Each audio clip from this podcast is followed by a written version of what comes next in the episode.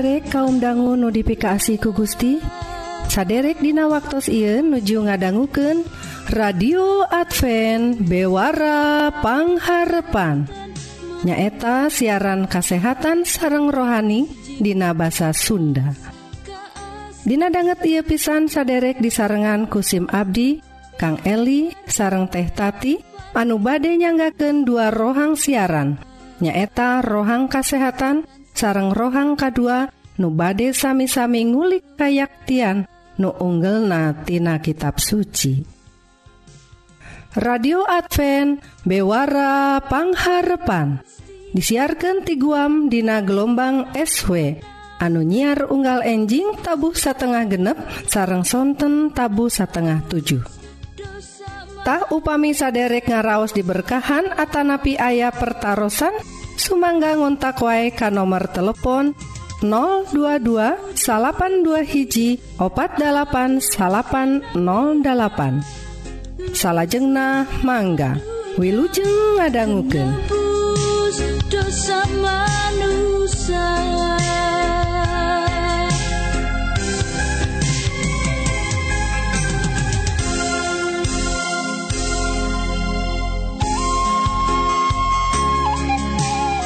radio Advent bewarapangharpan saderek Hayu atuh urang pedar rohang nukahiji nyaeta sagala rupa soal kesehatan raga orang Wilujeng ngadangguken.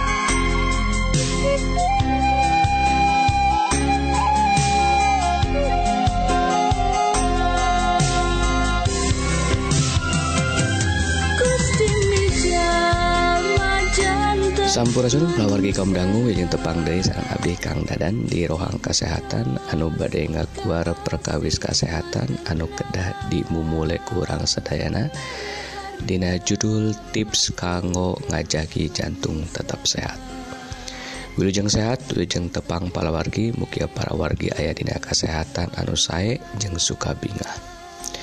Numutkeun hiji artikel di CNN.com gaya hirup di waktu ngorat tiasa ngagancangkeun jadina segala panyakit di lebet awak kurang. Jeng salah sahiji panyakit anu panggancang nanya eta panyakit jantung. Kesehatan jantung urang tetiasa dianggap remeh. Demi kesehatan, kula warga urang atos waktosna kedah merhati ke naon wae anu tiasa ngaruhan karena organ jantung urang. salah sajina orang kedah terang naon wae anu tiasa ngajadikeun jantung urang kaganggu sarang cara ngajauh ke nana ameh te kejadian kadulur sarang kula, kula warga urang. Jagi kacekapan jeng pola bobo urang. Istirahat anu cekap tiasa ngabantu kastabilan detak jantung urang. kusabab gitu orang kedah menangkan waktu anu cekap Dina bobo orang tapi oge teratur ulah dinten Ayeuna jam 8 enjing benten deui jadi kedah teratur waktu na jeng cekap lamina salami 7 dugi ke 8 jam unggal dintenna amun ia tiasa dilaksanakan palawargi percanten jantung urang bakal ayah dina kaayaan anu saya pisan. satrasna emutken ciri-ciri panyakit jantung. Seueur anu nganggap nyeri di bagian dada sabelah kenca anu karaos jadi hal biasa.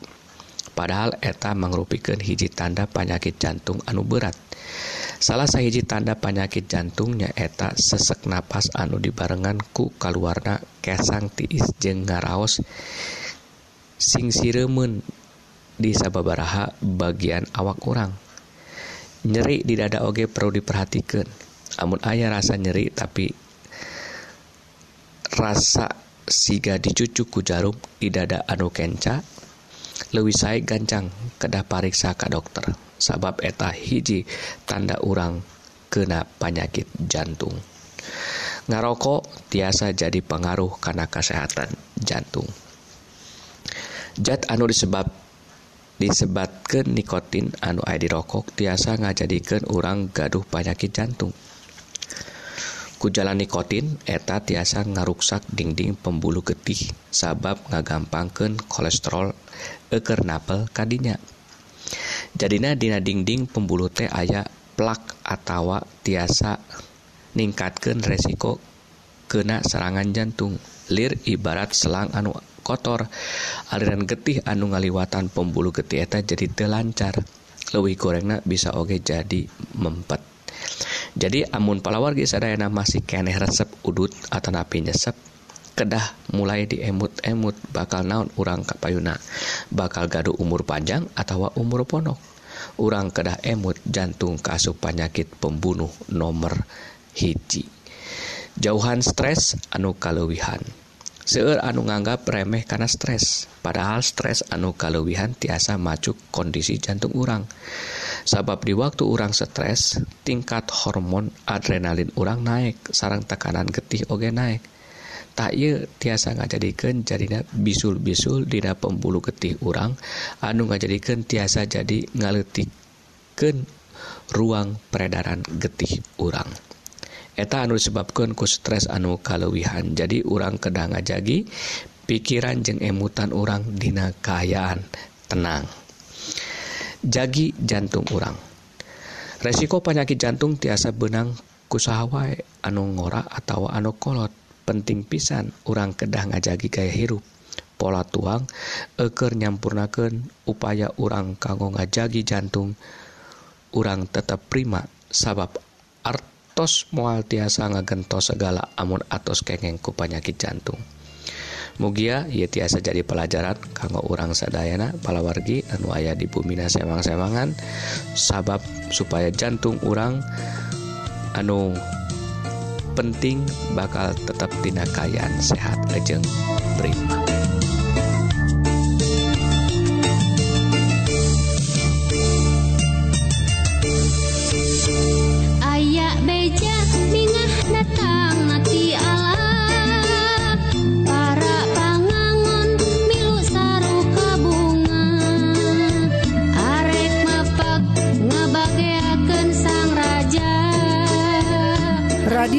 Advent bewarapangharpan para wargi nemben kurang parantos sami-sami ngadangguken bewara kasehatan. Upami saderek ngaraos diberkahan Atanapi ayah pertaran Sumangga ngontak wae ka nomor telepon 022 82 hiji opat 8808 salahjengna orang terasken kana rohang nuka 2 nu ngadehes dauhan Gusti atawa ngagali kayaktian tina kitab suci. Wilujeng ngadangguken Pakbakti Hayu urang muji syukur kamantena Bukawi kidung pujan Nyanggakeun puja jeung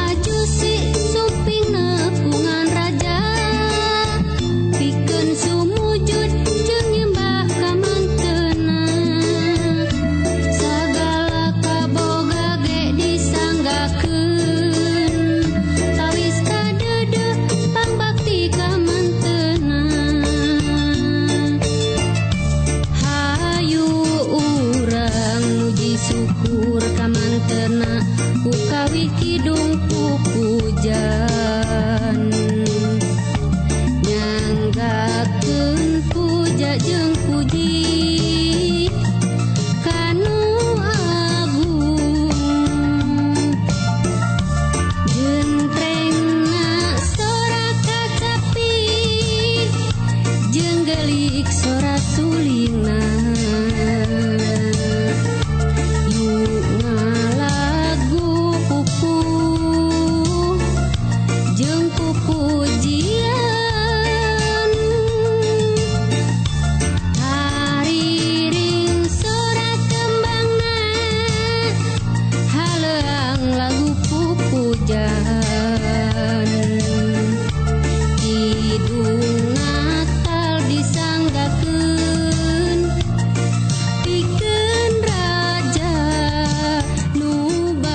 Sampurasun. Para wargi kaum dangu nudifikasih ku Gusti.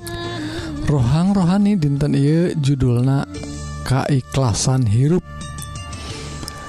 Anu didasarkantina pengajaran Yesus Kristus anu dicutat Tina Matius pasal anu kalima. Sate Acana perwargi Hayu urang ngadua. Nun Gusti Rama nulinggih disawarga mugia Gusti Maparin hikmah Hidayah roh suci anu tiasa nuntun Abdi sadaya. Karena bebeneran anu disanggaken dina dauhan Gusti. Mugi Gusti Maparin Abdi sadaya. Kekuatan kesehatan gitu oge maparin kekuatan kanggo ngawujudken dauhan-dauhan Gusti. Ia pidua disanggaken dina asmana Yesus Kristus juru salamet dunya amin. Para wargi kaum dangu nudipika asih ku Gusti judul atau tema kaikhlasan Sarlers nama seerpisan kecap-kecap kaikhlasan atau ikhlas Dina dauhan Gusti Dina kitab suci urang tapi parawargi ruina Dina kahirupan kakristenan ia kirang gitu kirang ditonjol ke naon hartosna ikhlas atau kaikhlasan teh. Ruina jeruk pisan parwargi ia ieu maknana Ya, ia hartosna naon dimaksatkan ikhlas Dina kehidupan orang teh. saat Acana Hayu parogi urang ngadangguken dauhan Gusti nyata nudi sangaken ku Yesus Kristus waktu Anjena nyebatkan Dina khutbahna anu disebatkan di Bukit Jetun. Dina pasal kalima Matius disebatkan ayat tilu Bagja jelema anu ngarasa jiwana miskin. Bagja jelema anu sedih prihatin. Bagja jelema anu rendah hati. Bagja jelema anu kacita hayangna karena ngalampahkan pengersa Allah Bagja jelema anu karunyaan. Bagja jelema anu hatena mulus bersih. Bagja jelema anu resep ngupayakeun karukunan. Bagja jelema nudikaniaya ku sabab ngalakonan pangersa Allah Bagja maraneh lamun dihina-hina ditenttinganen diomongkan jeng digo goreng ku batur lamun dikitu kieu sing bagja sing bunga sabab geus aya piganjare nana anu gede disawarga parwargi ku update disebatkan secara utuhnya secara lengkap anu disebatkan Dina Matius pasal 5 ieu. Tapi ku update disebatkan bagja bagja anu Kitu kieu. Maksana parorgi disebatkan contoh nawai Bagja jelema anu sedih prihatin. Bagja jelema anu dikaniaya. Nah disebut Bagja nukara itu tehtah iya parwargi anu kedah di jeroan ku urang. Maknana hartosna kau kehidupan urang. Nah Gusti Yesus nyebatkan nusarupa gitu teh kedah Bagja. Tangtos nawae ieu hiji panyauran Gusti kau urang. Supados orang hirup dina teman hidup hirup na orang hirup anu pasrah. Nyata ikhlas teh hirup orang tak orang disaurkan jantan pangiring Gusti anu ngiringken karena kehidupan anu saya anu dipikanya aku Gusti. Kumaha sa sakedahna? Ta Ayeuna orang ngaos Ibrani pasal 10 ayat 22 anu aya kecap ikhlastah sabab eta Hayu urang sing deket ke Allah. Rejeng hate anu ikhlas. Iman nu yakin batin anuges dikosongkentina rasa salah. Jeng raga nuges dibersihan kucai anu ngagencelang naon pergi nusebatkan dina ayat I orang disaur ku Gusti Hayu sena Hayu urang sing deket ke Allah. Hirup anu caket sarang Gusti rejeng H anu ikhlasta para wargi nah para wargi kasaur ku Gusti ku ayat I yen urang teh hoyong hirup raket sarang Gusti ku hatnu ikhlas.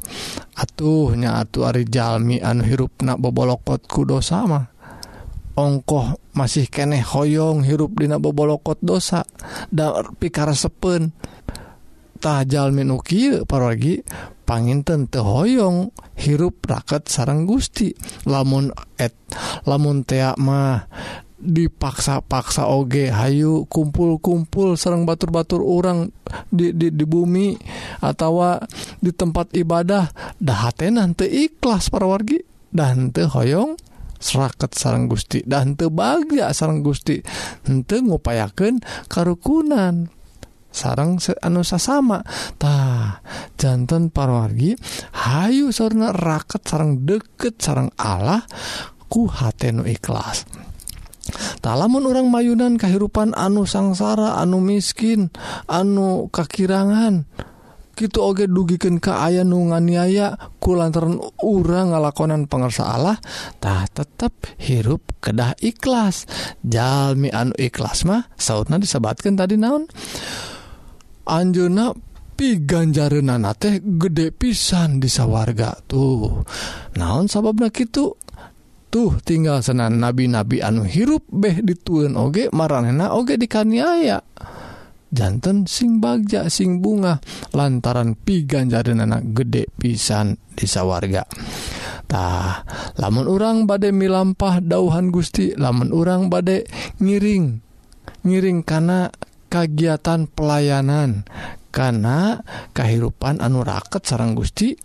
Tak aya dauhan Gusti Tina Efesus pasal genep ayat 14 sing sayaga gunaken kasatiaan kalah minangka sabuk. Anu magehan cangkeng jeung kaikhlasan H minangka baju. Nah, minangka baju sora teh. Nganggo baju baju na naon? Baju kaikhlasan lamun orang badek ngiring kagiatan ibadah badai ngiring kagiatan pelayanan.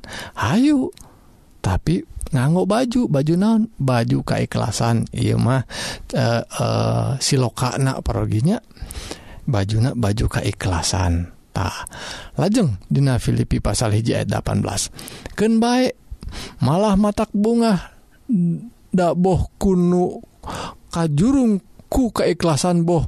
Kuno boga maksud sejen Kristus mah tetap dimasyurkan tur kabunga simkuring mual semet gitu baik tuh aya parwargi anu ngadongengken anu nyebarkan dauhan Gusti Injil teh ku hate anu ikhlas aya oge anu maksud sajakah urang matu tangtosna jantan Jalmin nu sahur ku Gusti anu kajurung ku kaikhlasan dina segala kagiatan anak lejeng dina kolose pasal tilu ayat 22 para badega dinasagala rupa kudu ngestok kadunungan anu di dunya.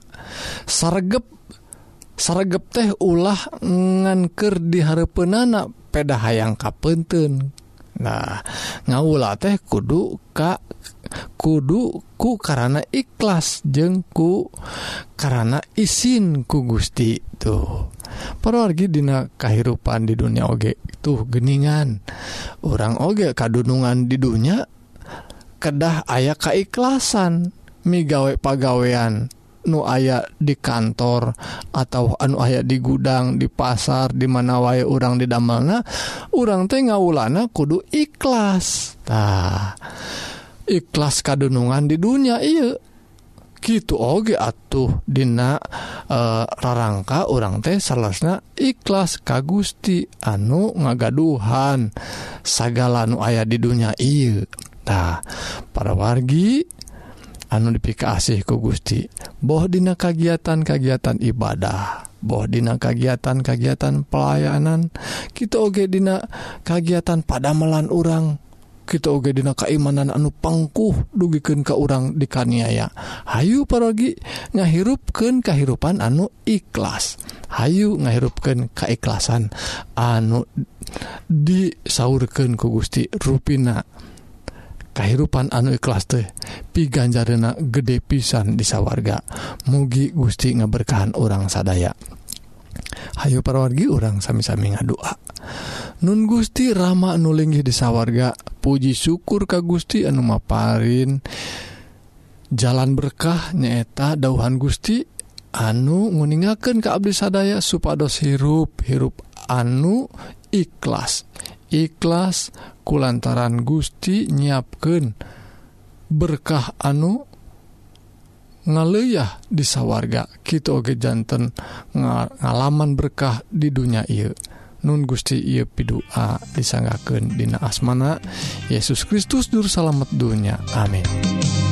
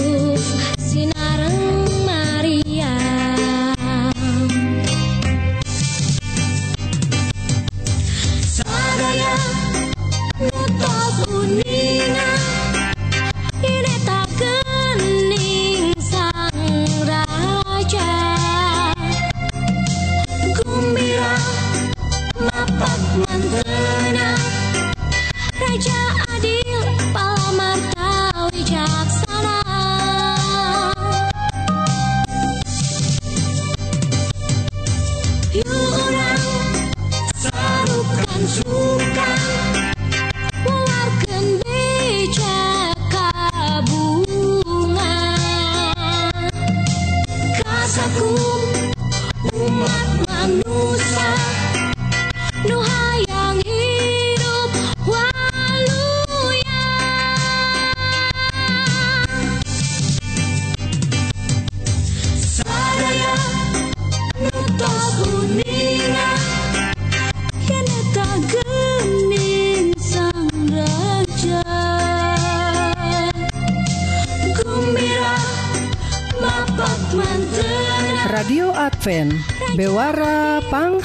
Papan Sakitu kaum dangu siaran dinten Ieu nutos narabas waktu salami setengah jam. Mugi-mugi dua rohang nuparantos didugiken bakal jantan berkah kanggo para wargi sadaya. Sakali Dei upami saderek ngaraos diberkahan atawa bilih ayah pertaran sumangga ngontak wae kan nomor telepon 022 salapan dua hiji opat 8 salapan 08 SIMkuring Kang Eli sareng teh tati badai undur diri hatur nuhun kana perhatsan saderek tepang danggudehi Dina waktu sareng gelombang nusami.